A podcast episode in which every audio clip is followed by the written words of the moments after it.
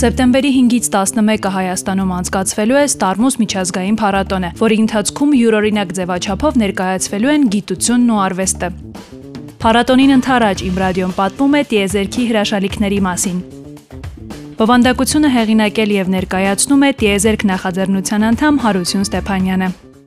Վաու, Պարզվում է Մարսում ուղաթիռ կա։ Այդ ո՞նց, այդ ինչպես։ Լավ, եկեք սկսենք սկզբից։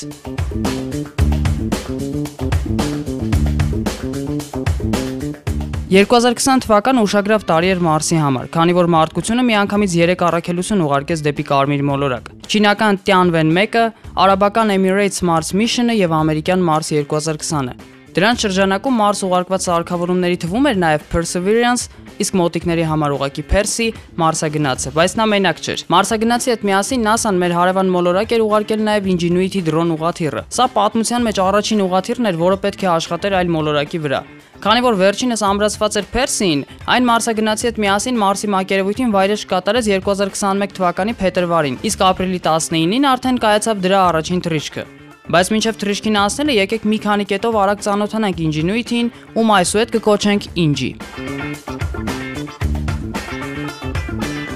Իսկ հիմա կարճ Ingi-ի մասին։ Ingi-ն փորձարարական դրոն ուղաթիռ է, որի նպատակն է ստուգել, թե ինչպես է տվյալ տեխնոլոգիան իրեն դրսևորում այլ դիեզերական օբյեկտում, այս դեպքում Մարսում։ Հաշվի առնելով, որ մենք այստեղ գործ ունենք երկրից տարբերվող միջավայրի հետ։ Ուղաթիռի հասակը 80 սանտիմետր է, քաշը 1.8 կիլոգրամ, իսկ Մարսի թույլ գրավիտացիայի պայմաններում 0.69 կիլոգրամ, ունի 4 ոտք, 2 պտուտակ, իսկ քառակուսի մարմնի յուրաքանչյուր կողմ 14 սանտիմետր է։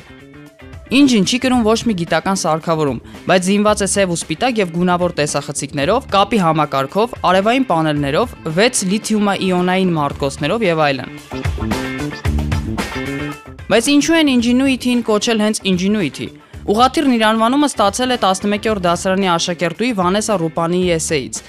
Բանն այն է, որ մինչ այդ NASA-ն իրենց նոր մարսագնացի անվան ընտրության մրցույթ էր հայտարարել, որի եզրափակչի մասնակիցներից էր նաև Ռուպանին։ Ու չնայած եզրափակչում այլ մասնակից հաղթեց, NASA-ի այն ժամանակվա տնօրեն Ջիմ Բրայդենստայնը հայտարարեց, որ Ռուպանի առաջարկած Ingenuity կամ հայերենով հնարամտություն տարբերակը արտացոլում է սարքավորման բնույթը եւ որոշվեց այն կոչել հենց այդպես։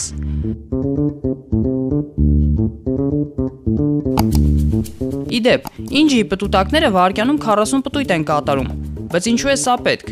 Այս հարցի պատասխանը հասկանալու համար նախ պետք է արագ հասկանանք, թե ինչպես են առհասարակ թռչում ուղաթիռները։ Վերջիններիս պտուտակի կամ պտուտակների թիակների պտույտը ապահովում է parberabar օդի հոսք դեպի թիակներից ներքև, որի արդյունքում ստեղծվում է ճնշման տարբերություն թիակների տակ եւ վրա, ինչի արդյունքում էլ առաջանում է վերամբարձուժ կոչվածը։ Իսկ թրջելուց հետո արդեն այդ նույն հոսքի շնորհիվ ուղաթիռը կարող է կարծես կախված մնալ օդում։ Այս նույն վերամբարձուժը ստանալու խնդիր ունի նաև ինջին, բայց երկրային հաշվարկները այս դեպքում չեն անցնում, որովհետև մարսյան մթնոլորտն ունի շատ ավելի նվազ խտություն, եւ հետեւաբար պետք է որ պտուտակները շատ ավելի արագ պտտվեն, անհրաժեշտ քանակի օդի հոսք ապահովելու համար։ Հենց այս պատճառով էլ ինժեներները ստեղծել են ինջին այնպես, որ դրա պտուտակները կարողանան պտտվել րոպեում մինչև 2800 անգամ, այսինքն 46.6 պտույտ վար վայրկյանում։